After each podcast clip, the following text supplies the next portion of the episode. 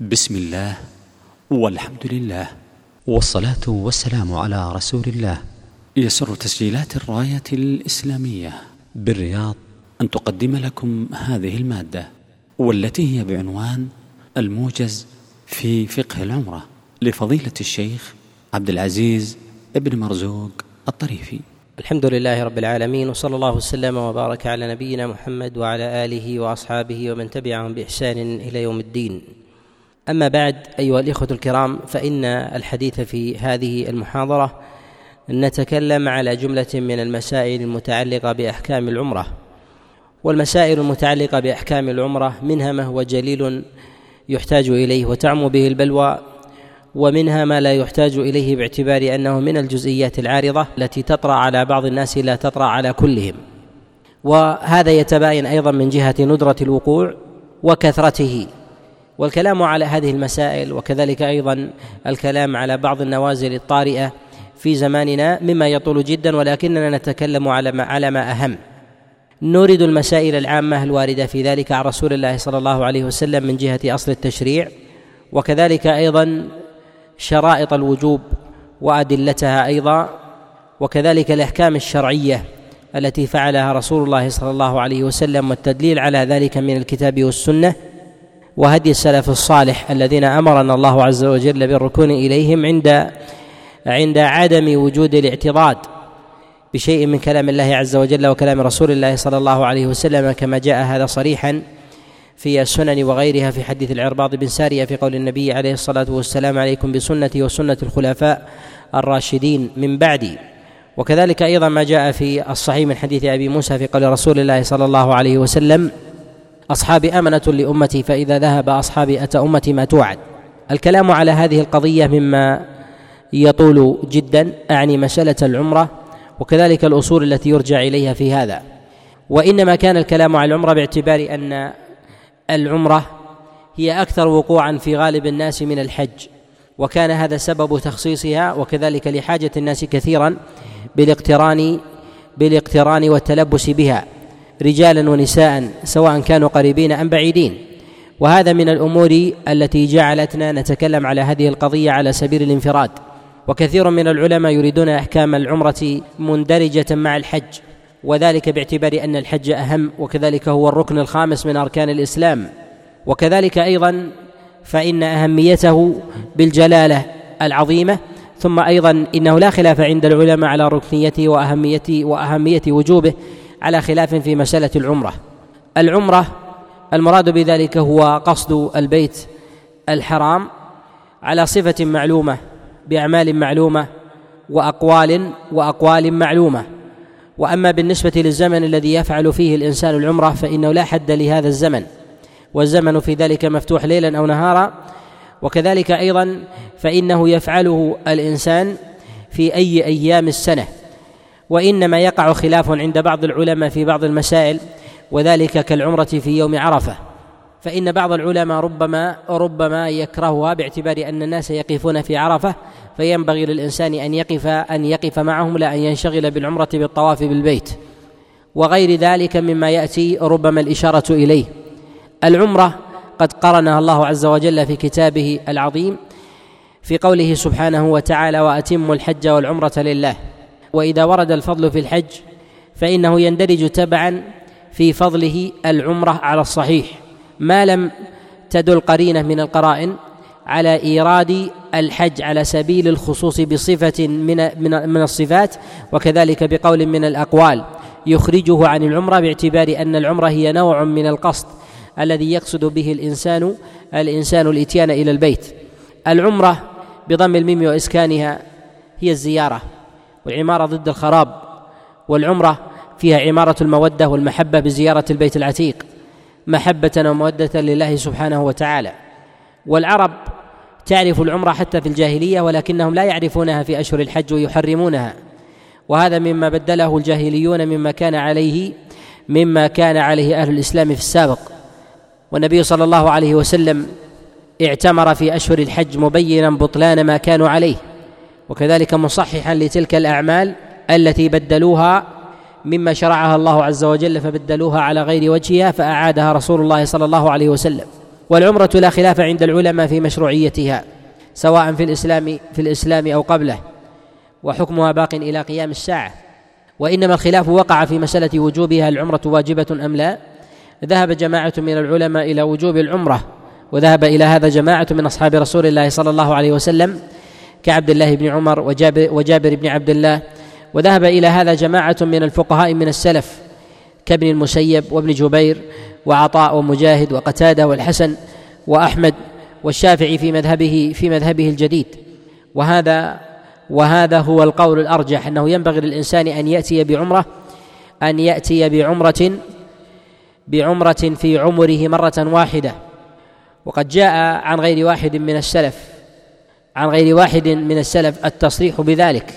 وعلى ما جاء في هذا عن عبد الله بن عمر عليه رضوان الله كما رواه الدار قطني والحاكم وغيرهم قال ليس من أحد إلا وعليه حجة وعمرة واجبتان لا بد منهما فمن زاد بعد ذلك فهو خير وتطوع. وقد جاء عنه عليه رضوان الله أنه قال كما رواه نافع عن عبد الله بن عمر الحج والعمرة فريضتان. وكذلك أيضا روي عن عمر بن الخطاب عليه رضوان الله تعالى ما يفهم عنه ذلك كما جاء عن أبي وائل عن الصبي بن معبد قال قلت لعمر بن الخطاب عليه رضوان الله إني كنت رجلا اعرابيا نصرانيا وإني أسلمت وإني حريص على الجهاد وإني وجدت الحج والعمرة مكتوبين علي فأتيت رجلا من قومي فقال فقال لي يعني ذلك الرجل اجمعهما واذبح ما تيسر من الهدي وإن أهللت بهما معا. فقال عمر عليه رضوان الله تعالى هديت لسنة نبيك صلى الله عليه وسلم.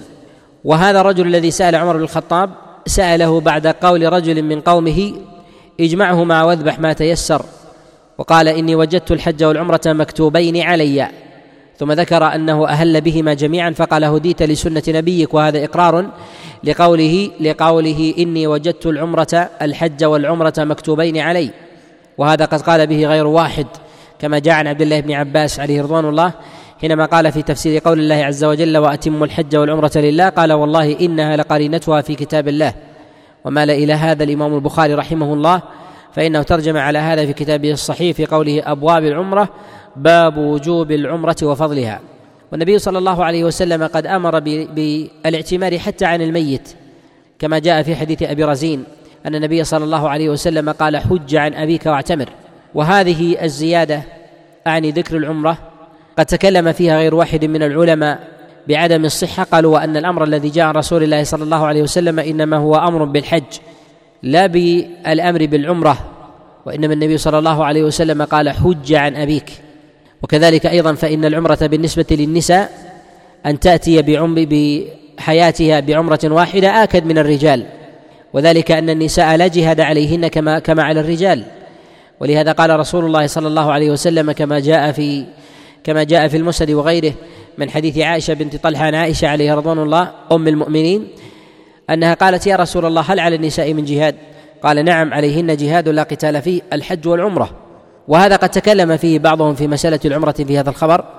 قد تكلم فيه غير واحد من العلماء في ذكر العمرة. قالوا أن النبي صلى الله عليه وسلم إنما قال عليهن جهاد لا قتال فيه عليهن الحج.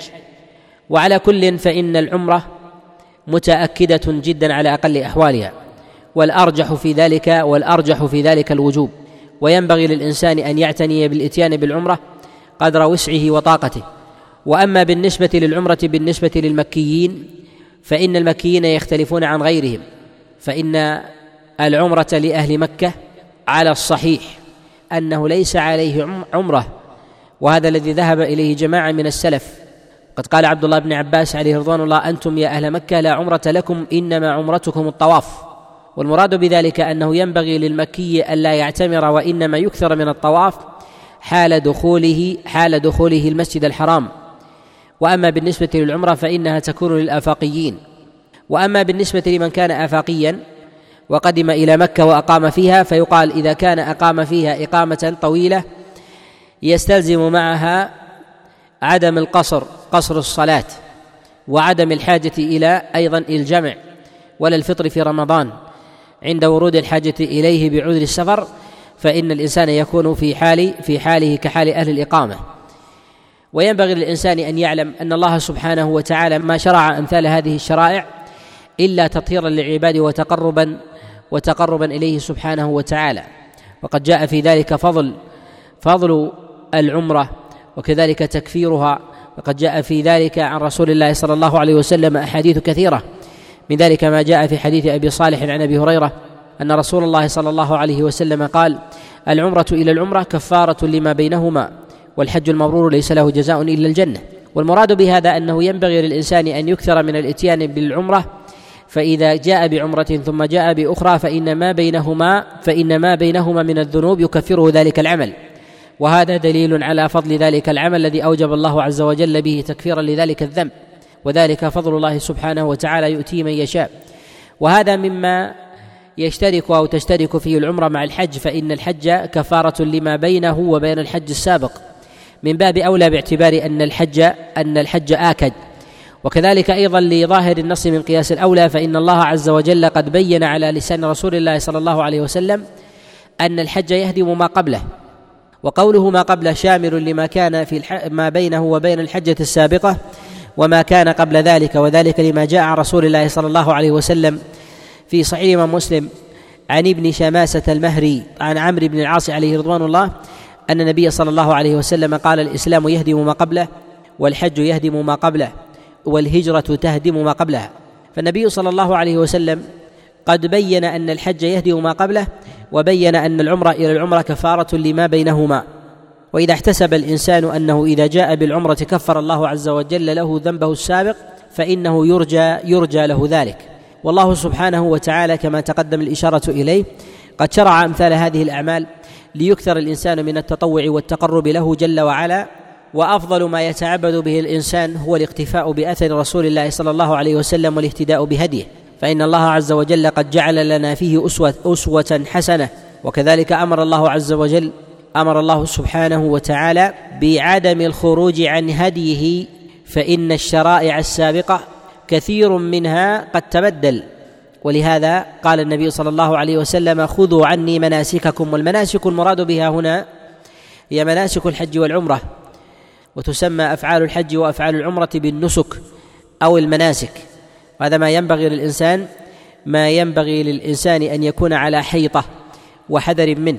وذلك أن النبي صلى الله عليه وسلم إنما أخر حجه عليه الصلاة والسلام وبعث بعض أصحابه بعد أن فرض عليه الحج وذلك حتى لا يلتبس حتى لا يلتبس عمل الإسلام بعمل الجاهليين فإن الجاهلي فإن الجاهليين عند البيت يطوف بعضهم عراة وكذلك لا يقفون لا يقفون بعرفة ولا يخرجون من حدود الحرم وكذلك أيضا بالنسبة للسعي بين الصفا والمروة فإنهم ربما يتحرجون منه. ولهذا ينبغي للإنسان أن لا يأخذ المناسك إلا من مشرعها عليه الصلاة والسلام. لمن قال بوجوب العمرة كالحج فإنه ينبغي أن يعلم أن شروط الوجوب أن شروط الوجوب في العمرة هي كشروط الحج بالجملة. على من قال بوجوب العمرة والشروط الواردة في ذلك جملة منها الشرط الأول الإسلام. فلا يجب الحج على مشرك. ولهذا قال الله سبحانه وتعالى إنما المشركون نجس. فلا يقربوا المسجد الحرام بعد عامهم هذا. وقد جاء رسول الله صلى الله عليه وسلم أنه بعث أبا بكر بعث أبا بكر عليه رضوان الله ومعه جماعة من أصحابه كأبي هريرة وغيره. أمر أو أن ينادي بالحج قبل حجة الوداع. فقال أبو بكر عليه رضوان الله لا يحج بعد هذا العام مشرك ولا يطوف بالبيت عريان. وكذلك الشرط الثاني فإنه لا تجب العمرة على مجنون أو ناقص الأهلية أهلية العقل لمن به سفه شديد أو غفلة شديدة كالدخول في دائرة الهرم وغير ذلك. ويدخل في هذا من باب أولى من فقد عقله من فقد عقله بإغماء أو نحو ذلك. ولهذا قال رسول الله صلى الله عليه وسلم رفع القلم عن ثلاثة عن النائم حتى يستيقظ وعن الصبي حتى يكبر وعن المجنون حتى يعقل. الشرط الثالث البلوغ وهذا متضمن لما تقدم باعتبار أن الصغير لا عقل له تام وإن كان هو من جهة الإدراك أعقل من غيره ممن به جنون أو من به به هرم وخرف. فإنه إذا وقع في الإنسان هرم وخرف فإنه يفقد العقل ولو كان كبيرا والصبي خير منه في هذا الباب. ولهذا بالنسبة للصغير يقال إن الحج بالنسبة له يصح لكنه لا يجب عليه.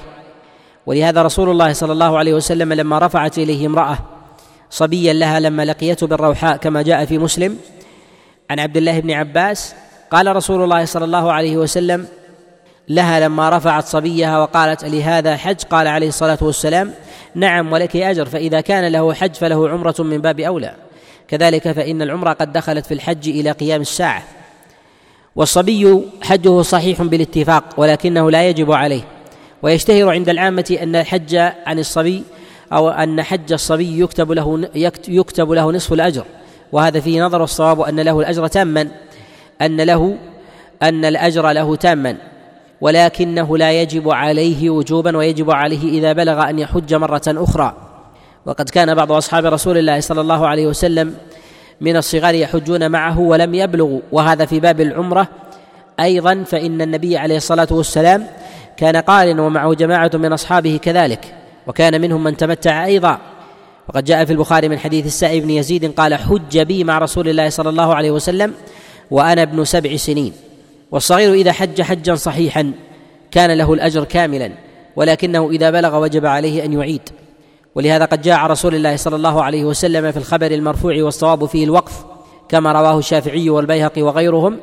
قال أيما صبي حج ثم بلغ الحنث فعليه أن أن يحج حجة أخرى.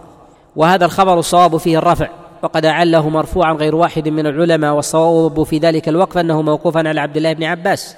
أن الحديث موقوف أن الحديث موقوف على عبد الله بن عباس. وهذه المسألة هي من مسائل الإجماع أن الصبي إذا حج قبل بلوغه أن حجه لا يجزئ عنه عن حجة الإسلام وإنما الخلاف في حال بلوغه في عرفة. هل يسقط ذلك عن حجة عن حجة الإسلام أم لا؟ وذلك أنه يوجد مثلا بعض الصبية من يولد مثلا في يوم عرفة فيحج مثلا في السنة الخمسة عشرة ويكون بلوغه خمسة عشر وحينئذ في هذا اليوم بلغ فأدرك شيئا من وقوفه بعرفة ونحو ذلك.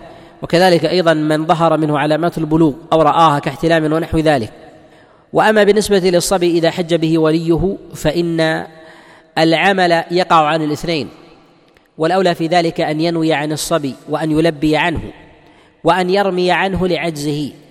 وكذلك يروى في هذا عن رسول الله صلى الله عليه وسلم كما رواه الإمام أحمد وابن ماجه من حديث جابر بن عبد الله قال حججنا مع رسول الله صلى الله عليه وسلم ومعنا النساء والصبيان فلبينا ورمينا عنهم. والمراد من ذلك أن الصبي يلبى عنه. وينبغي ويتأكد أن يجنب أن يجنب محظورات الإحرام وأن يبعد عنها حتى لا يتلبس بها فيقع في شيء من من النقص في العبادة وأما الإثم فلا يقع عليه. وأما بالنسبة إذا وقع الصبي المحرم في حال إحرامه بشيء من محظورات الإحرام فهناك من العلماء من لا يرى لزوم شيء عليه. وهذا قول جماعة من العلماء وهو قول الحنفية. ومن العلماء من ألزمه في حق المميز ولم يلزمه في غيره. ومن العلماء من فرق بين ما يفعله الصبي استمتاعا كالطيب واللباس قالوا فلا فدية فيه وما فعله إتلافا ففيه الفدية. وهذه المسألة من واضع الخلاف الصواب في ذلك أنه لا يجب على لا يجب على الصبي ولا وليه شيء. باعتبار ارتفاع القلم عنه وربما فعل الصبي شيئا من غير علم من غير علم وليه فانصرف عنه ففعل شيئا من محظورات الإحرام. فإلحاق الفدية على الولي على الولي فيه نظر وفيه تكليف بما لا يطاق خاصة إذا كان الإنسان يلي جملة من الصبية يصعب عليه أن يحيط أن يحيط بهم. وإذا قلنا بصحة الحج كاملا من غير الإزاء عن حجة الإسلام في الصبي فإنه يجوز أن نقول ذلك في المجنون. أيضا فإن المجنون إذا حج به وليه فحجه في ذلك كذلك عمرته صحيحة وله الأجر. ولكن بالنسبة لما يترتب على ذلك من حجة الإسلام إذا عقل يقال بالاتفاق أنه يجب عليه أن يأتي بحجة أخرى. وهذا من قياس الأولى فإننا إذا قلنا أن الصبي إذا كان بمهدي وهذا ما يقوله العلماء إذا كان بمهدي وحديث الولادة حجت به أمه وحجه في ذلك مكتوب. فهل نقول ذلك في المجنون؟ هناك من المجانين من هم اعقل من الصبيان الصغار فيهم سفه وفيهم سفه شديد أو غفله أو نحو ذلك وفيهم جنون ولكن يدركون يتناولون الطعام والشراب ويلبسون ويعتنون ولكن يفقدون شطر عقولهم. وهذا وهذا ينبغي أن يقال بأن الحج يكتب يكتب له ولوليه الأجر وحكمه في مسألة الفدية كحكم كحكم الصبي. وإذا قام وليه بحمله أو بدفعه على عربة والولي والمدفوع يريدون يريدون الحج فإنهم في ذلك يؤجرون والعمل يجزئ عن الجميع على صحيح من أقوال العلماء. وثمة شرط في ذلك وهو الحرية والشرط الرابع أنه يقال أنه لا بد على من قال ب أو لا بد في وجوب الحج والعمرة أن يكون الحاج أن يكون الحاج حرا لا عبدا. وأما العبد فحجه وعمرته صحيحة وإذا عتق فإن فإنه يجب عليه أن يحج مرة أخرى. وكذلك الاستطاعة فإن العاجز لا يجب عليه. العاجز لا يجب عليه لا تجب عليه العمرة. ولهذا قال الله جل وعلا في الحج وهو آكد من العمرة ولله على الناس حج البيت من استطاع إليه سبيلا. والآية في ذلك واضحة وبينة. وقد جاء عن عبد الله بن عباس عليه رضوان الله تعالى أنه قال في قول الله جل وعلا من استطاع إليه سبيلا كما رواه البيهقي وغيره قال السبيل أن يصح بدن العبد وأن يكون له ثمن وزاد وراحلة من غير أن يجحف به. ويظهر في هذا الشرط أنه يتضمن جملة من الشروط القدرة المالية والقدرة البدنية وأمن الطريق. القدرة المالية والقدرة البدنية وأمن الطريق. قد يكون الإنسان مقتدرا بالمال ولكنه ليس بمقتدر بالبدن. كأن يكون مشلولا أو كبيرا في السن أو صبيا لا يجب عليه فيقال حينئذ فهو عاجز. وكذلك أيضا أن يكون مقتدرا ببدنه لكنه فقيرا بماله فيقال لا يجب عليه لا يجب عليه ذلك. يعني العمرة ومن باب أولى ومن باب أولى الحج. والشرط السادس في ذلك بالنسبة للعمرة على المرأة على من قال بوجوب العمرة أنه لا بد من توفر المحرم حتى يجب عليها. والمرأة التي لا تجد محرما لا يجب عليها لا يجب عليها الحج ولا العمرة وهذا باتفاقهم وإنما اختلفوا في جواز ذهاب المرأة وإنما اختلفوا في جواز ذهاب المرأة مع جملة من النساء إذا كان القيم ذكر. وذلك مثلا يوجد بعض الحملات النسائية التي ربما تعتني مثلا ببعض الخدم من الخادمات وغير ذلك أو الشغالات ففيها المئة والمئتين ونحو ذلك. أو تكون المرأة مثلا مع مجموعة من النساء مع أمها وأخواتها وكذلك أيضا مع بعض محارمهن فهي منغمسة مع النساء. ويقود القافلة الرجال. فإذا كانت مع مجموعة من النساء والقيم والقيم واحد ذكر فيقال حينئذ أنه لا حرج في هذا على قول جماعة من السلف. وذهب إلى هذا وذهب إلى هذا جماعة كالإمام مالك والشافعي والإمام أحمد وقال به وقال به غير واحد. ورجحه إمام المناسك عطاء وابن سيرين. وذهب إليه الأوزاعي وقتادة واختاره ابن تيمية رحمهم الله. والنبي صلى الله عليه وسلم حينما جاءه رجل أراد الخروج في الجهاد فقال إني اكتتبت في غزوة كذا وكذا وإن امرأتي ذهبت حاجة فقال رسول الله صلى الله عليه وسلم حج مع امرأتك فأسقط النبي صلى الله عليه وسلم أمر ذهابه الجهاد حتى يحج مع امرأته وفي هذا تأكيد على الولي أنه ينبغي للإنسان أن يسقط الفريضة عن زوجه وكذلك عن أبنائه الذين لا يقومون إلا به. خاصة عند عدم قيام الموجب إلا به. وأما بالنسبة لنفقة الرجل على امرأته في الحج وكذلك العمرة هل يجب عليه أن ينفق عليها لإسقاط حجة الإسلام؟ نقول نعم. وذلك أن الواجبات الدينية أولى من الدنيوية. فإذا كانت المرأة لا تستطيع الصلاة إلا بتهيئة السبيل لها من الزوج من إعانتها على ستر عورتها بلباس وتوفير الخمار حتى تؤدي الصلاة وجب عليه أن يوفر ذلك. وكذلك أيضا بالنسبة للنفقة في الحج. وأما بالنسبة لمرافقته مع امراته هل يجب عليه أم لا؟ نقول إذا وجدت محرما غيره كأخيها وأبيها أو ابنها فإنه لا يجب عليه. وإن لم تجد اسقاطا للحج إلا به وهو قادر مستطيع فإنه يتأكد في حقه وقيل بالوجوب. وليس للولي أن يمنع امرأته من العمرة عمرة الإسلام الأولى ولا من الحج. ونص على ذلك غير واحد من العلماء ومن العلماء من قال بأنه يجوز له أن يمنعها. وأما بالنسبة للزيادة عن حجه عن عمرة الإسلام فإن له أن يمنعها وقد حكي الإجماع في ذلك. وقد كنا أمهات المؤمنين أمهات المؤمنين عليهن رضوان الله تعالى يعتمرن مع رسول الله صلى الله عليه وسلم وحججن معه وجماعة منهن بقين بقين في مواضعهن لم يحججن بعد وفاة رسول الله صلى الله عليه وسلم ومنهن من حججن. وذلك أن النبي صلى الله عليه وسلم قال لما حججنا معه قال هذه ثم ظهور الحصر أي أنه ينبغي للمرأة ألا تكثر من العمرة وأن أنها إذا أسقطت حجها وعمرتها ينبغي لها أن تبقى في البيت. وهذا ظاهر الخبر حمله عليه جماعة كعمر بن الخطاب وغيره. ومن العلماء من السلف من قال بأن العمرة مفتوحة كذلك الحج للمرأة كالرجل. وهذا مروي عن جماعة وهو قول عائشة عليها رضوان الله. وينبغي أن يعلم أنه بالنسبة للمرأة إذا كانت معتدة بوفاة زوجها وأرادت حجة, حجة الإسلام وكذلك العمرة أنه لا حرج عليها حالة تهيئ السبيل. وهذا مروي عن عائشة عليه رضوان الله كما رواه عبد الرزاق. عن عروة قال خرجت عائشة بأختها أم كلثوم حين قتل عنها طلحة بن عبيد الله إلى مكة في عمرة. وقد قال عروة كانت عائشة تفتي المتوفى عنها زوجها بالخروج في عدتها يعني إلى الحج وكذلك العمرة.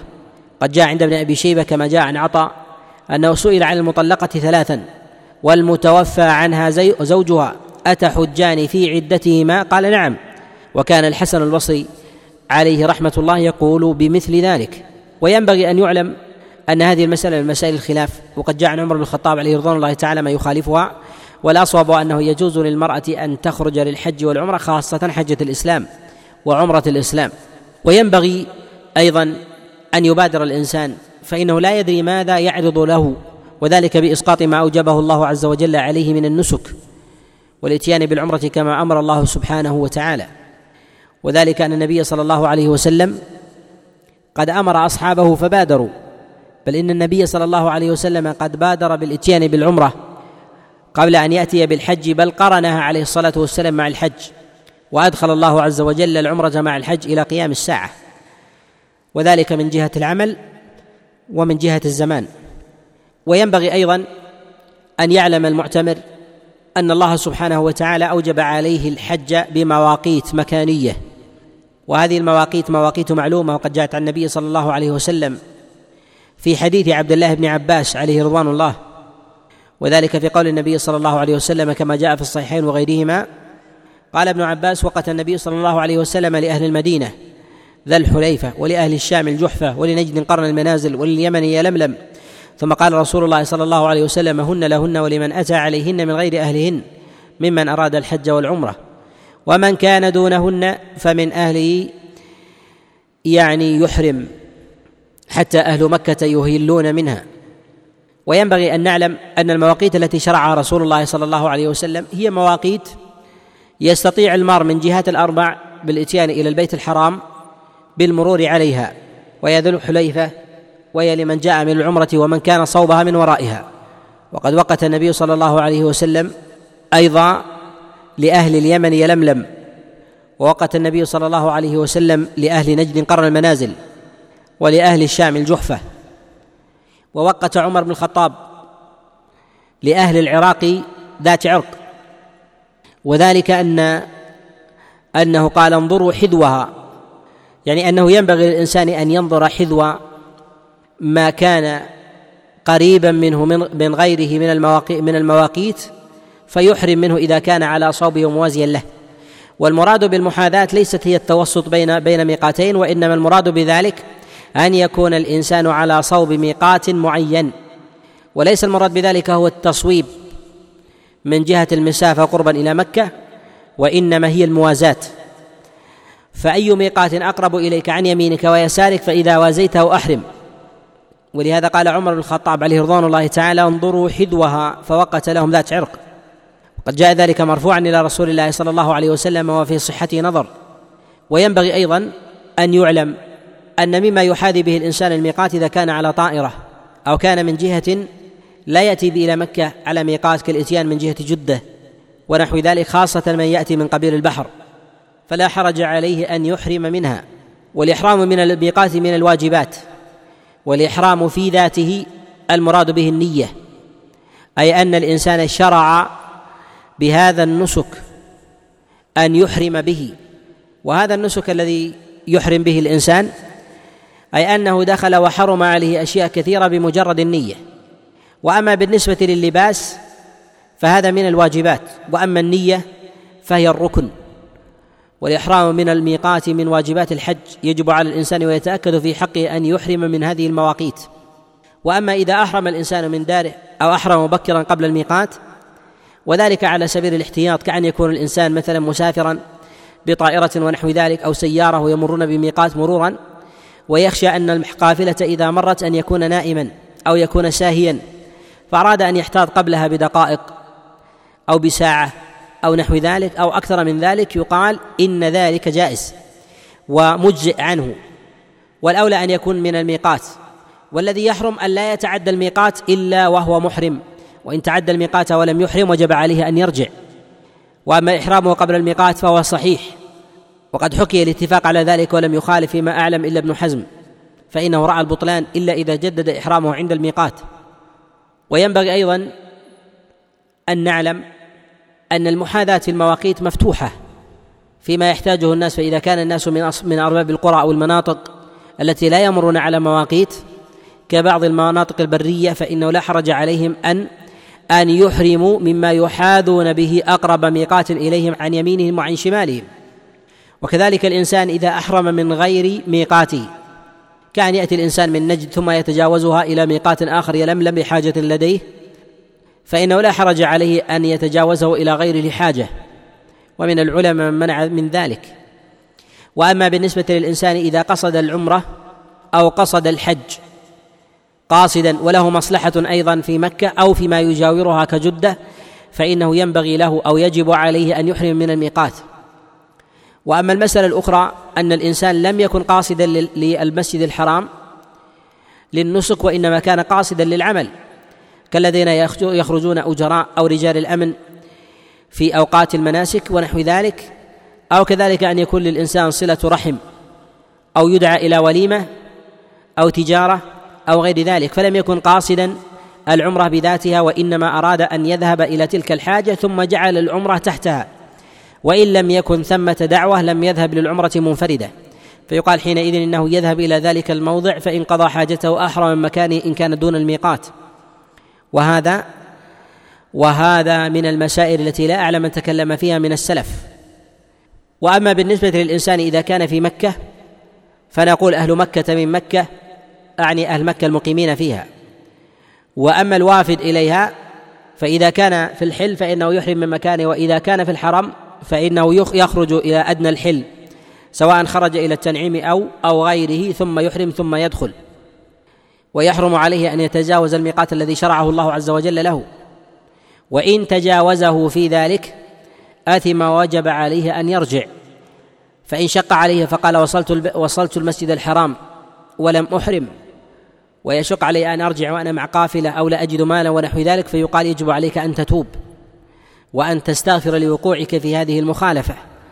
وهذا في حال العمد. وأما في حال العذر فهذه مسألة أخرى في قيام الجهل أو رفع القلم في حال نوم ونحو ذلك. ويتأكد في حال الإنسان أن يغتسل عند إحرامه.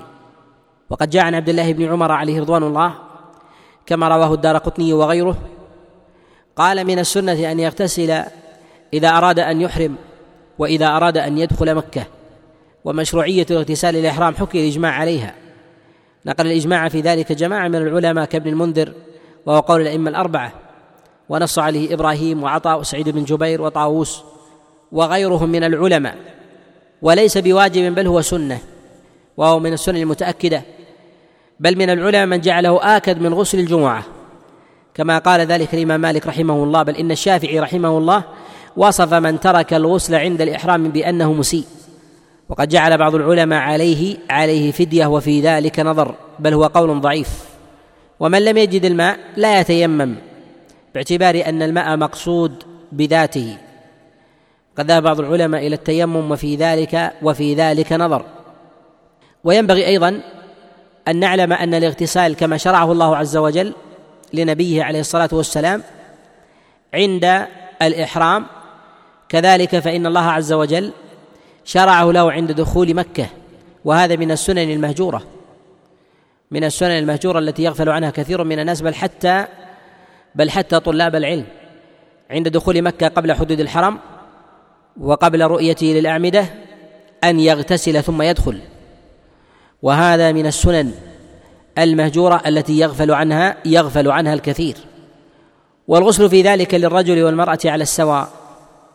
وينبغي للرجل أن يتجرد من محظورات الإحرام من من المخيط وهي الثياب والسراويل وتغطية الرأس كذلك أن يجتنب الطيب أو قص شيء من شعره وبشره وظفره وأن لا يغطي رأسه ويسن له أن يأخذ من أظفاره وشعره عند إحرامه.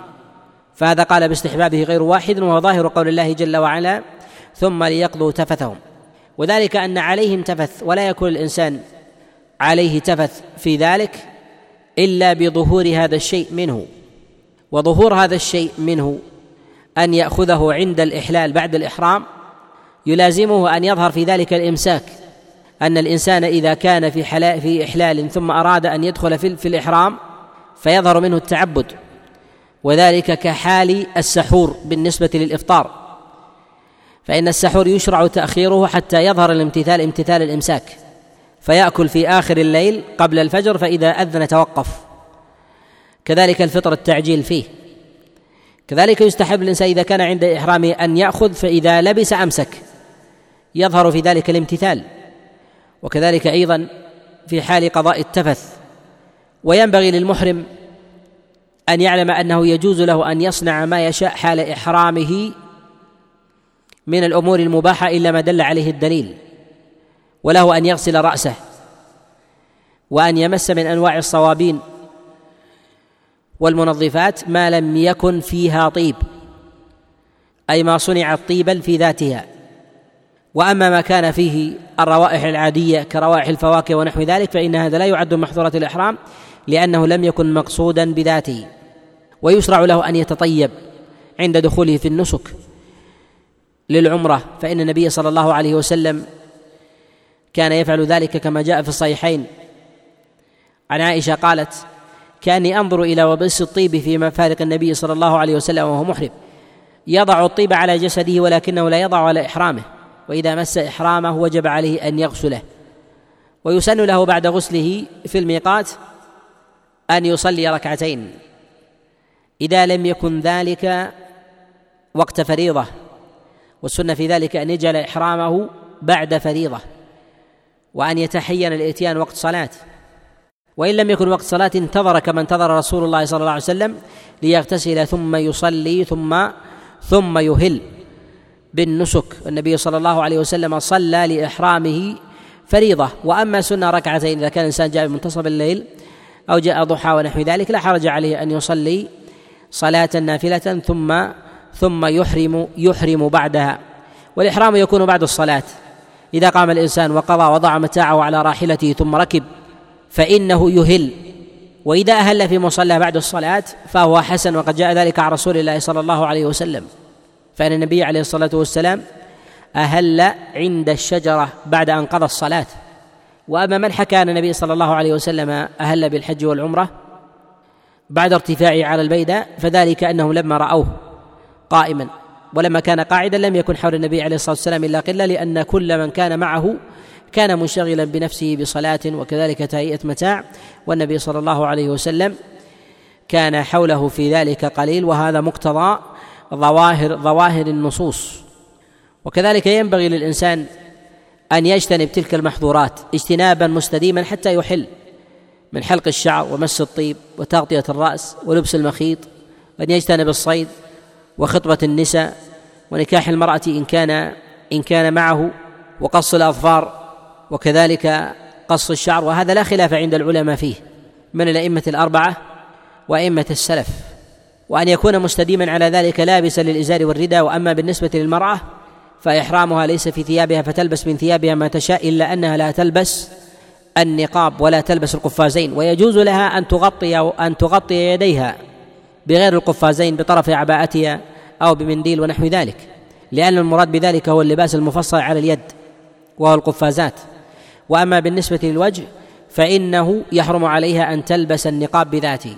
وأما الغطاء وهو ما يسمى بالغطوة التي تضعها المرأة على وجهها فإن هذا يجب على المرأة عند الرجال.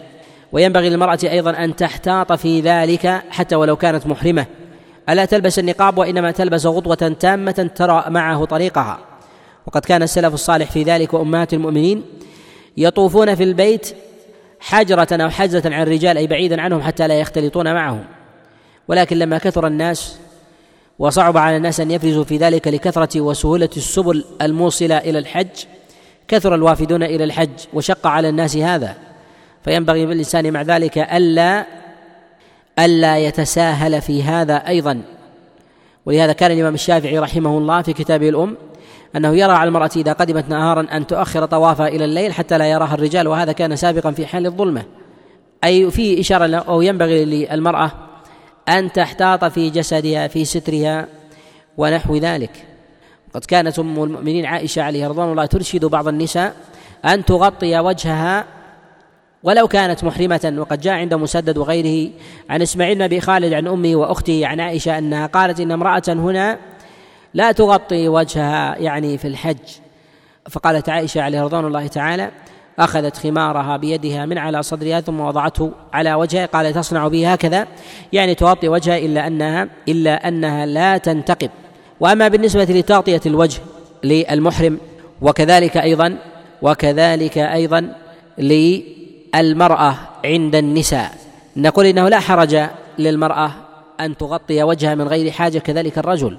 من وضع الكمام ونحو ذلك لأن إحرام المرأة ليس في وجهها إلا في لبس النقاب والرجل إحرامه في رأسه وتغطية الوجه جائزة. وقد جاء هذا عن جماعة من السلف جاء عن عثمان بن عفان وجابر بن عبد الله وعبد الرحمن بن عوف وزيد بن الزبير وسعد بن أبي وقاص وغيرهم من السلف يقولون بتغطية وجه المحرم فإذا وضع كماما عن الأدخنة والأبخرة أو الحرارة أو نحو ذلك أو وضع منديلا أو أراد أن ينام فأن يغطي وجهه ولكن لا يغطي شعر رأسه فإن هذا لا حرج فيه. ولا أعلم في ذلك نهيا صحيحا عن رسول الله صلى الله عليه وسلم. وأما ما جاء في حديث عبد الله بن عباس في الرجل الذي وقصته ناقته في قول النبي عليه الصلاة والسلام اغسلوه بماء وسدر وكفنوه في, في ثوبيه ولا تخمروا أو لا تغطوا وجهه. فهذه الزيادة غير محفوظة وقد علها غير واحد كالبخاري رحمه الله. وكذلك يدخل في هذا اللثام بالنسبة للمرأة فإنه لا حرج عليها أن تلتثم حتى عند النساء من غير حاجة. وأما بالنسبة عند الرجال فإنها تغطي وجهها من غير نقاب. ويحرم على الرجل لبس المخيط من السراويل أو الثياب أو ما هو مفصل على القدم كالشراب أو القفاز في اليدين فإن هذا مما هو منهي عنه. وإذا لم يجد الإنسان النعال أو فقد نعاله ولم يجد معه في متاعه إلا شراب لا حرج عليه وأن ينزله أسفل الكعبين كذلك أيضا الخف. ويتأكد في حقه أيضا أن يسوق الهدي كما ساقه رسول الله صلى الله عليه وسلم. وهذا من السنن المهجورة التي ربما يستطيعها بعض الناس خاصة في الأماكن القريبة القريبة من مكة. يستطيع الإنسان أن يسوق الهدي معه فيأخذه مثلا في سيارته ونحو ذلك لعمرة. وهنا مسألة وهي الهدي وسوق الهدي بالنسبة للعمرة وهذا من السنن المهجورة. العمرة فيها هدي فيتأكد على الإنسان أن يهدي في عمرته. وهذا ليس على سبيل الوجوب الدليل على ذلك أن النبي عليه الصلاة والسلام في عمرته حينما ذهب عام الحديبية كان معه هدي عليه الصلاة والسلام. فلما حصر نحر الهدي وهو ذاهب إلى العمرة ولم يكن ذاهبا عن النبي عليه الصلاة والسلام إلى الحج فينبغي الإنسان أن يهدي. ومن لم يسق الهدي فلا حرج عليه أن يهدي في حال عمرته في في الحرم فيذبح وهذا من الأمور التي يغفل عنها كثير التي يغفل عنها كثير من الناس. والإهلال الذي أمر به رسول الله صلى الله عليه وسلم وفعله عليه الصلاة والسلام وأن ينوي الإنسان العمرة وإن كان حاجا ينوي الحج فيقول لبيك اللهم لبيك اللهم عمرة. وإذا أراد الحج يقول لبيك اللهم حجا وإذا أراد حجا وعمرة يقول لبيك اللهم حجا وعمرة. وأما قول المتمتع لبيك اللهم عمرة متمتعا بالحج فهذا فهذا لا يصح فيه شيء. وأما بالنسبة لقول في قوله في الإهلال فإنه يقول الصيغ التي جاءت عن رسول الله صلى الله عليه وسلم وآكدها أن يقول الإنسان لبيك اللهم لبيك لبيك لا شريك لك لبيك. إن الحمد والنعمة لك والملك لا شريك لك لبيك.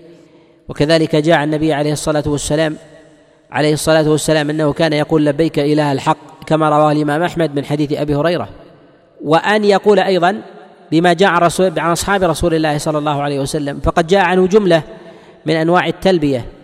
فكان عمر بن الخطاب عليه رضوان الله تعالى يقول لبيك اللهم لبيك لبيك لا شريك لك لبيك إن الحمد والنعمة لك والملك لا شريك لك لبيك مرغوبا أو مرهوبا لبيك ذا النعماء والفضل الحسن. وجاء عن عبد الله بن عمر عليه رضوان الله أنه كان يلبي كما كان يلبي النبي عليه الصلاة والسلام ويزيد على ذلك لبيك اللهم لبيك لا شريك لك لبيك إن الحمد والنعمة لك والملك لا شريك لك. ثم يزيد على ذلك تلبيته الخاصة فيقول لبيك وسعديك والخير بيديك لبيك والرغباء إليك والعمل. وقد جاء مرفوعا النبي عليه الصلاة والسلام أنه يلبي والناس يزيدون ويقولون لبيك ذا المعارج. كما جاء في المسند وأبي داود عن جابر بن عبد الله وجاء أيضا عن أنس بن مالك أنه كان يقول في تلبيته لبيك حقا حقا تعبدا ورقا. يرفع الرجال أصواتهم في ذلك ويعيدون التلبية بين فترة وأخرى. فإذا علوا شرفا أو نشزا أو هبطوا واديا أعادوها. وأما المرأة فإنها تلبي بينها وبين صاحباتها. وإذا لم وإذا لم يكن لديها إلا نساء ولم يكن ثمة رجال فإنه يشرع لها ويتأكد في حقها أن تلبي وترفع صوتها. قد كانت عائشة عليه رضوان الله كما روى ابن أبي شيبة وغيره من حديث عبد الرحمن بن القاسم عن أبيه أنه قال خرج معاوية ليلة النفر فسمع صوت تلبية فقال من هذه؟ قالوا عائشة. اعتمرت من التنعيم فذكر ذلك لعائشة فذكر أو ذكر ذلك لعائشة عليه رضوان الله تعالى فقالت لو سألني معاوية لأخبرته. وهذا فيه إشارة إلى أنها كانت تلبي وتلبي عند أبنائها فإنها أم المؤمنين عليها رضوان الله. وينبغي الإنسان أن يعقد النية مع تلبيته والنية تكون بالقلب والجهر يكون بالنسك والتلبية. وكذلك أيضا فإنه ينبغي للإنسان ألا يكرر النسك وإنما يقوله مرة واحدة يقول لبيك عمرة ويسكت. وأما التلبية فهي التي يغاير بينها. وينبغي للإنسان أيضا إذا كان نائبا عن عمرة عن أحد بعينه أن يلبي عنه. فيقول لبيك اللهم عن فلان أو نحو ذلك. فإن هذا هو الذي الذي ثبت عن عبد الله بن عباس وغيره وقد جاء مرفوعا وفي صحته نظر. والنيابة في العمرة جائزة كالنيابة في الحج في حال العاجز. أما العمره عن المستطيع أو المشغول بالدنيا فإن هذا لا يجوز ولا يقبل ذلك بل العمره تكون عن العاجز أو الميت أو نحوهم. كان يكون الإنسان حبيسا أو به مرض لا يرجى برؤه ونحو ذلك. ويتأكد الإنسان إذا غلب على ظنه أنه يحبس في العمرة أو يخشى من مرض فيه بداية مرض أو نحو ذلك أو المراه التي تخشى الإتيان عدتها في حال إحرامها للعمرة وأن القافلة لن تنتظرها فيشترع لها أن تشترط واشتراطها أن تقول اللهم ما حلي حيث حبستني أي متى حبستني فينتهي النسك وإذا اشترطت لا عليها شيء ولا يجب عليها فدية ولا ولا يجب عليها شيء من ذلك وليس على إحرامها آثار وإذا لم تشترط فيجب عليها حينئذ الدم. والاشتراط يكون لمن غلب على ظنه أو ورد عليه عليه ظن أن مرضه سيستمر معه. كالمرأة مثلا تكون حاملا وتخشى أن تضع أو المرأة تكون تكون على وشك الحيض ولا تاتي تدري متى ياتيها الحيض أو الرجل يخشى أن يحبس أو تضيع النفقة لوجود قطاع طريق أو نحو ذلك أو يحبس أيضا من غير ذلك السبب بأي نوع من أنواع الحبس فإنه لا حرج عليه لا حرج عليه أن يشترط. و ينبغي للإنسان أن يؤدي العمرة كما جاءت عن رسول الله صلى الله عليه وسلم من جهة العمل وقد تقدم الإشارة معنا بالكلام على مسألة الاغتسال عند حدود الحرم وهذا من السنن المهجورة. وينبغي أن يغتسل لدخول مكة كما جاء في الصحيحين وغيرهما من حديث نافع أن عبد الله بن عمر كان لا يقدم لا يقدم مكة إلا بات بذي طوى حتى يصبح ويغتسل ثم يدخل مكة نهارا. وهذا من السنن المهجورة. ويشرع له أن يدخل مكة من الثنية العليا كذا وإذا خرج من مكة أن يخرج من الثنية السفلى لثبوت ذلك عن رسول الله صلى الله عليه وسلم كما جاء في الصحيحين وغيره من حديث نافع عن عبد الله بن عمر. وإذا دخل المسجد الحرام لا يشرع له أن يشير بيده أو يقول ذكر معين عند رؤية البيت أو يلوح كهيئة المسلم ونحو ذلك أو تقبيل الكفين ونحو هذا فإن هذا مما لا دليل عليه يفعله كثير من من العجم عاطفة وكثير من العرب أيضا. وقد جاء في ذلك رفع اليدين ولا يصح فيه شيء. وقد جاء عن عمر بن الخطاب أنه كان إذا رأى البيت قال اللهم أنت السلام ومنك السلام حينا ربنا بالسلام وإسناده صحيح عن عمر. وقد جاء معضلا عن رسول الله صلى الله عليه وسلم والحديث ضعيف. أن النبي عليه الصلاة والسلام كان يقول اللهم زد هذا البيت تشريفا وتعظيما وتكريما ومهابة وزد من شرفه وكرمه ممن حجه أو اعتمره تشريفا وتعظيما وتكريما وبرا. وهذا الحديث لا يصح عن النبي عليه الصلاة والسلام. ينبغي للإنسان إذا أراد العمرة أن يبادر أن يبادر بالإتيان بها وألا يؤخرها باعتبار المسارعة. وذلك أن الإنسان إذا قدم إلى العمرة وأراد أن أن ينزل متاعه نحو ذلك استطاع أن يأتي بالعمرة أن يأتي بالعمرة ابتداء فهذا هو الآكد. وإذا لم يستطع حتى ينزل متاعه ويؤمن من معه إذا كان معه قافلة أو نساء ونحو ذلك ويستأجر لهم مكانا أو كان متعبا منهكا ويريد النوم فلا حرج عليه في ذلك. والمبادرة هي السنة. والطواف الذي يأتي به هو طواف العمرة وهو ركن من أركانها. ويقطع التلبية عند دخوله حدود الحرم. لا عند عند دخول أن يقطع التلبية عند دخوله حدود الحرم. وهذا جاء عن عبد الله بن عب... عن عبد الله بن عمر عليه رضوان الله تعالى. كما جاء في البخاري من حديث نافع عن عبد الله بن عمر أنه كان إذا دخل أدنى الحل أمسك عن التلبية ويحدث أن رسول الله صلى الله عليه وسلم يفعل ذلك. ثم يشرع في الطواف ويفعل ما فعله رسول الله صلى الله عليه وسلم. وأن يبتدئ بالطواف وأن يكون متطهرا وهذا هو السنة. وسنة وهو سنة وليس بواجب. وقد جاء عن عبد الله بن عباس مرفوعا والصواب فيه الوقف الطواف بالبيت صلاة. ولم يثبت عن رسول الله صلى الله عليه وسلم أمر بالتطهر وإنما هو من فعله عليه الصلاة والسلام. يشرع له أن يستلم الركن وأن يذكر الله عنده كما جاء النبي عليه الصلاة والسلام. أن يقول الله أكبر. والركن يتسع كلما المحاذاة له كلما ابتعد الإنسان اتسعت الدائرة وكلما قرب منه ضاق. فيقول الله أكبر إذا لم يستطع الاستلام. وإن استطاع أن يستلم فيستلم الحجر. فيقول بسم الله والله أكبر. وأما غير ذلك فلا يشرع. كأن يقول بسم الله والله أكبر اللهم إيمانا بك وتصديقا بكتابك ووفاء بعهدك واتباعا لسنة نبيك فإن هذا لا يثبت عن النبي عليه الصلاة والسلام. أن يقبل الحجر وهذا هو السنة. وأما السجود عليه وأن يضع جبهته عليه فهذا لم يثبت فيه عن النبي عليه الصلاة والسلام شيء وإنما جاء في ذلك عن جماعة من الصحابة. وإذا لم يستطع مس الحجر مسه بيده وقبل يده. أو مسه بعصا وقبل العصا أو رمى رداءه وقبل الرداء فإن هذا جاء عن عبد الله بن عباس. وأما بالنسبة أن يستقبل بجسده الحجر فهذا قد جاء عن بعض السلف.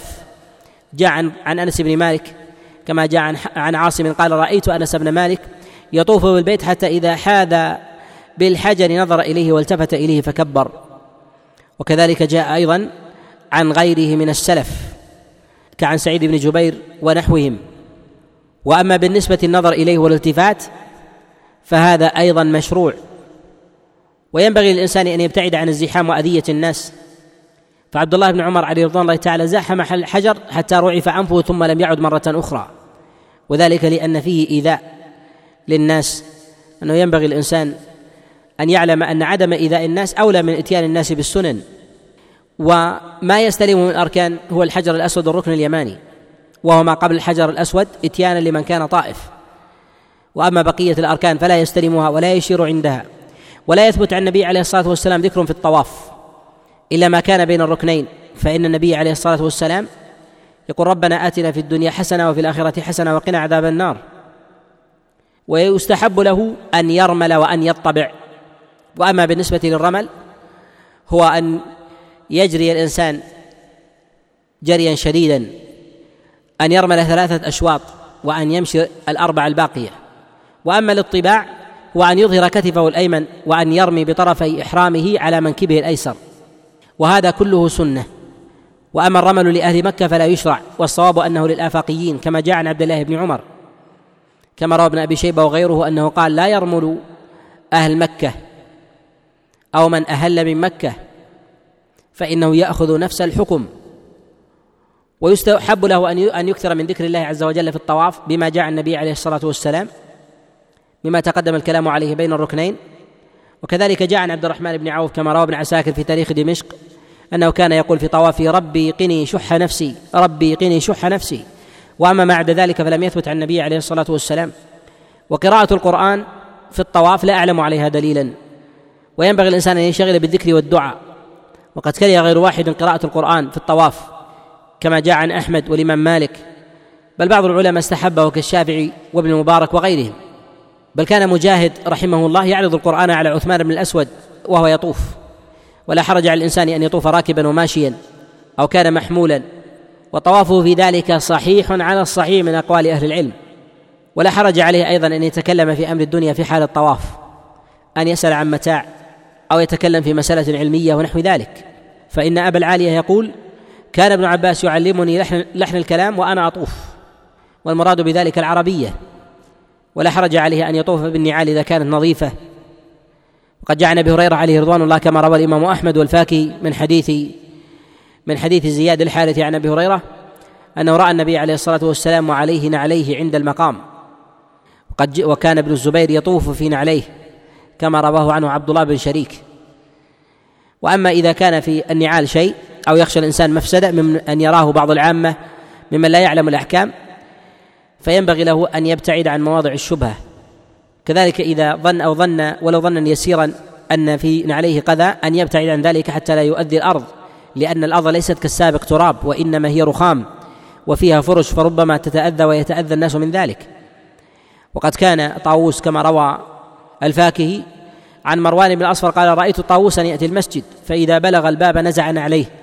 وأخرج نعلا له أخرى فلبسها ودخل فيها. يعني أن له نعال جديدة يلبسها للطواف. وهذا فيه التوقي. وينبغي الإنسان أن يستلم الحجر في كل شوط على ذلك النحو.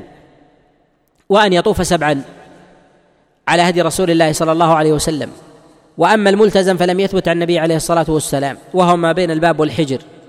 والتزامه لم يثبت عنه عليه الصلاة والسلام وإنما جاء عن بعض الصحابة.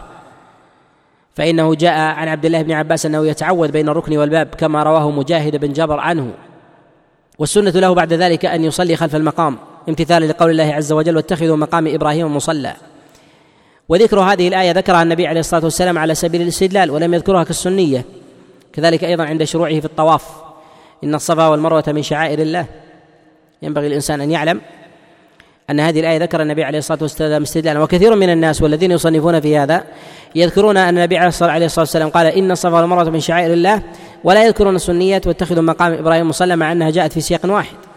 ولهذا نقول النبي عليه الصلاة والسلام ذكر امتثالا لأمر الله ولم يثبت عن النبي عليه الصلاة والسلام أنه وقف ينظر إلى الكعبة متأملا ولم يثبت أن النظر إلى الكعبة عبادة وإنما يفعله الإنسان إذا وجد رقة في قلبه أو نحو ذلك فلا حرج عليه أما تعبدا في ذاته فلا. وينبغي أن يصلي الركعتين خلف المقام ويقرأ بما شاء. وقد جاء النبي عليه الصلاة والسلام أنه قرأ بسورة الإخلاص. بقول يا أيها الكافرون وقل هو الله أحد بهما والحديث في ذلك معلول. قد جاء في حديث جابر وفيه شك. وجاء أيضا وجاء أيضا من وجه آخر وعله غير واحد من العلماء. فقد أعله أبو داود وغيره. وكذلك أيضا ينبغي أن يعلم أن مسألة السترة للمصلي في الصلاة في الحرم يخفف فيها ما لا يخفف في غيرها. وهذا ذهب إليه جماعة من السلف كقتادة والحسن وأبي جعفر وغيرهم. ولهذا سميت مكة مكة لأن الرجال يصلون أمام النساء والنساء أمام الرجال. وينبغي للإنسان بعد صلاته الركعتين أن يرجع إلى الركن وأن يستلمه فإن استلامه في ذلك سنة. وهذا فعله رسول الله صلى الله عليه وسلم في حجه. ثم يبدأ بالسعي بين الصفا والمروة والسنة أن يبدأ بالصفا والبداءة بها واجبة. وإذا بدأ بالمروة فسعي ذلك لاغي وأن يسعى سبعة أشواط ولا يشترط للسعي طهارة. والسعي على الصعيد ركن من أركان العمرة. والتنفل إذا أراد الإنسان أن يتنفل بالطواف بعد عمرته لا حرج عليه. أما التنفل بالسعي فلا. وما يفعله بعض العامة يتنفلون بالسعي فهذا فهذا لا دليل عليه وهو من الإحداث. وينبغي له أن يصعد على الصفا والمروة وأن يفعل ما فعله رسول الله صلى الله عليه وسلم أن يرفع يديه. والمرأة ينبغي لها ألا تبرز على الصفا وإنما ترقى وتصعد أدناه. وقد جاء عن عبد الله بن عمر قال لا تصعد المرأة فوق الصفا والمروة ولا ترفع صوتها بالتلبية. وينبغي أن يستقبل البيت عند دعائه وأن يفعل ما فعله رسول الله صلى الله عليه وسلم. فالنبي كان إذا كان على البيت رفع يديه ويقول لا إله إلا الله. إذا كان على الصفا يقول لا إله إلا الله. وحده لا شريك له له الملك وله الحمد وهو على كل شيء قدير. لا إله إلا الله وحده أنجز وعده ونصر عبده وهزم الأحزاب وحده. يقول هذا ثلاثا ثم يدعو بينها دعاء طويلا. وصح عن عبد الله بن عمر عليه رضوان الله تعالى فيما رواه مالك وغيره أنه كان يدعو على الصفا يقول اللهم إنك قلت ادعوني أستجب لكم وإنك لا تخلف الميعاد وإني أسألك كما هديتني الإسلام ألا تنزعه مني حتى تتوفاني وأنا مسلم. وقد جاء التكبير على الصفا سبعا بين كل تكبيرة حمدا وثناء ودعاء صلاة على رسول الله صلى الله عليه وسلم. وقد جاء هذا عن عمر بن الخطاب عليه رضوان الله. قد جاء عن عبد الله بن عمر كما عند البيهقي أنه كان يكبر ثلاثا ويدعو طويلا. وقد جاء عن إبراهيم النخعي أنه حكى عن أصحاب عبد الله بن مسعود أنهم يقومون قدر خمس وعشرين آية على الصفا والمروة. ويستحب أن يرفع يديه كما جاء النبي عليه الصلاة والسلام في صحيح الامام مسلم من حديث أبي هريرة أن رسول الله صلى الله عليه وسلم فعله حينما قدم مكة يوم الفتح فطاف وسعى ورفع يديه على الصفا. وينبغي أن يذكر الله عز وجل في حال سعيه. فكان عبد الله بن مسعود إذا نزل من الصفا فمشى حتى أتى الوادي جعل يقول رب اغفر وارحم وأنت الأعز الأكرم. وأما عن رسول الله صلى الله عليه وسلم فلا يثبت من ذلك شيء. وإذا انصبت قدماه في بطن الوادي سعى سعيا شديدا وهي العلمين الأخضرين. وقد أضيئت بنور حديث يظهر فيه العلم وكان ذلك بطن الوادي. سواء كان الإنسان ساعيا على قدميه وهو الأفضل إذا كان مستطيعا أو كان محتاجا فكان على عربة أو كان محمولا كالصبي والصبي أو المريض أو المجنون على الأكتاف ونحو ذلك فإنه لا حرج عليه. والاطباع إنما يكون إنما يكون في الطواف لا يكون في السعي. ولا يشرع ولا دليل عليه ولا دليل عليه في السعي. ويفعل الإنسان في المروة ما فعل على الصفا. فإذا انتهى من المروة يحلق رأسه ويبادر بذلك. والسنة الحلق. ولهذا قال النبي عليه الصلاة والسلام اللهم ارحم المحلقين اللهم ارحم المحلقين اللهم ارحم المحلقين. قالوا والمقصرين يا رسول الله. قال والمقصرين. وتكرار الدعاء للمحلقين دليل على فضل التحليق على التقصير. والحلق يدخل في ذلك هي الآلات الحديثة التي تستعمل آلات الحلاقة. التي تظهر شيئا يسيرا من الشعر وتسمى بالدرجات بالواحد والاثنين ونحو ذلك أرى أنها حلقة. ولذلك فإن السابقين لم يكن لديهم هذه الأمواس الناعمة التي تزيل الشعر من أصله وإنما كان لديهم ما يظهر منه شيء من الشعر وهذا هو الاستئصال وهذا هو الحلق. وأما التقصير فهو أن يأخذ الإنسان من أجزاء شعره من أجزاء شعره أو أكثر شعره ويبدي ويبدي شيئا من الشعر من الشعر بارزا. فإن هذا فإن هذا هو التقصير. وأما الاصلع الذي ليس فيه شعر فنحو ذلك فالاولى أن يمر الموسى على شعره كما جاء عن عبد الله بن عمر أنه سئل عن ذلك فقال يمر الموسى الموسى على على راسه وقد نقل الإجماع الإجماع على ذلك. ومن قال بالوجوب فإنه لا دليل لا دليل لا دليل عليه. والصلاة إنما هي بعد الطواف وأما بعد السعي فلا صلاة في ذلك وأما فعله بعد حلقه فيقال قد انتهى من العمرة والسنة في ذلك أن ينحر هديه في حال العمرة في أي زمن كان في أي شهر كان جاء معتمرا السنة أن ينحر الهدي. وإذا لم يستطع الإنسان أن يهدي أن يهدي فلا حرج عليه لأن الهدي للعمرة سنة وإن غفل عنه كثير من الناس وهاجره وهاجره عامة الناس. وينبغي الإنسان أنه في حال إحرامه ابتدائه حتى انتهائه أن يحضر الإنسان محظورات الإحرام من الصيد وكذلك أيضا أن أن يبتعد آه، عن المحظورات الأخرى تتعلق بالحرم من قطع الشجر البري بخلاف شجر الزين الذي يزرع في الحدائق ونحو ذلك فإن هذا ليس من الشجر المحظور. وكذلك الصيد ونحو ذلك فإن هذا من الأمور المحظورة التي ينبغي الإنسان أن يبتعد عنها. وبهذا تكون تمت عمرة الإنسان وهذا على سبيل الاختصار والإجمال. أسأل الله سبحانه وتعالى أن يوفقني وإياكم لمرضاته وصلى الله وسلم وبارك على نبينا محمد. جزا الله فضيلة الشيخ خير الجزاء وجعلنا الله وإياكم ممن يستمعون القول فيتبعون أحسنه. وتقبلوا تحيات إخوانكم في تسجيلات الراية الإسلامية بالرياض. هاتف رقم أربعة تسعة واحد واحد تسعة ثمانية خمسة. والسلام عليكم ورحمة الله وبركاته.